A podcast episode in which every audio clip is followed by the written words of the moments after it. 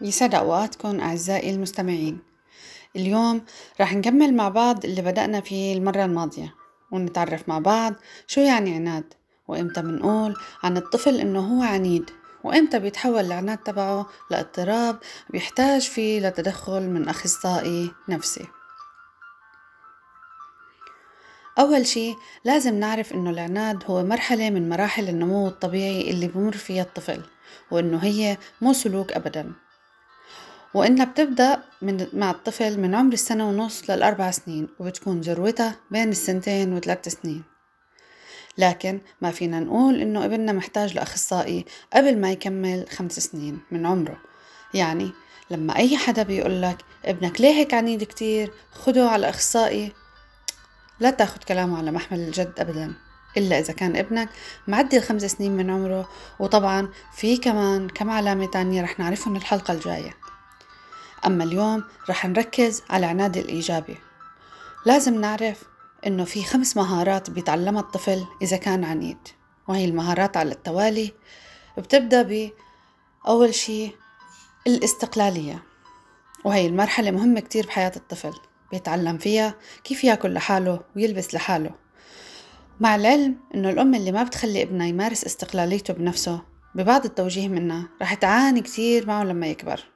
سواء صار شاب أو صبية لأنها رح تبقى طول عمرها عم تعمل أشياء كتير عن أطفالها اللي رح يصيروا اعتماديين وهي رح تندم كتير. تاني مهارة بيكتسبها الطفل من خلال عناده اللي هي الاعتماد على الذات. لو ما تركنا الطفل يعتمد على حاله رح ندخل معه بمرحلة صراع منطقي لأنه الطفل ما عنده إدراك للوقت أو إدراك للخطر. فمثلا لو ضل يأكل لحاله رح ياخد وقته من نص ساعة تقريبا إلى ساعة لكن الأم لما بتقعد تطعمي ابنها ممكن تاخد بين الخمسة والعشر دقايق بس وهي بالتالي منطقية لأنها مدركة للوقت لكن هو لا. لو تركتيه انت الكسبانة لأنه رح يريحك لما يكبر. هتتعبي معه سنتين ثلاثة أربعة بس هترتاحي سنوات طويلة. رح يصير بعدين لما يكبر يدرس لحاله ويعمل واجباته لحاله ويخفف عنك أعباء مختلفة. ثالث مهارة بيكتسبها الطفل هي اختبار قدراته وخاصة قدرته على النجاح والمبادرة.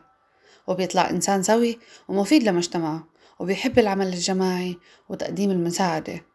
وقلما نلاقي نحن هالأيام طفل مبادر وبيسعى لعمل الخير بدون ما حدا يقوله. المرحلة الرابعة هي بناء الذات وبناء الشخصية بحيث إنه هذا الطفل بهالعمر بيبدأ يتميز عن أقرانه وعن أهله وبيكون آه، له شخصية لحاله ما بيكون نسخة منهم بل على العكس بيتفرد بشخصيته.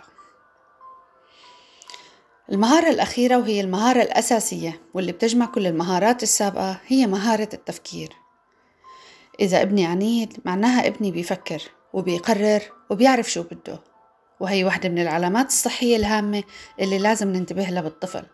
فقمع الطفل والتعامل مع عناده بطريقة سلبية بخلي عنده التفكير يوقف. وبالنهاية رح أقولك افرحي كتير إذا شفتي ابنك بدأ يعاند لأنه هو طفل طبيعي. بدأ يبني شخصيته. انتظروني بالحلقة الجاية. رح نغوص أكتر بطرق التعامل وتهذيب السلوك ورح نحكي أكتر عن اضطراب ال OTD وكيف بنقدر نكتشف إنه ابننا عناده هذا مو طبيعي لا محتاج لأخصائي. كانت معكم رندا أسعد ببودكاست همسات شبكة لمتنا مساحة صديقة. أهلا وسهلا فيكم.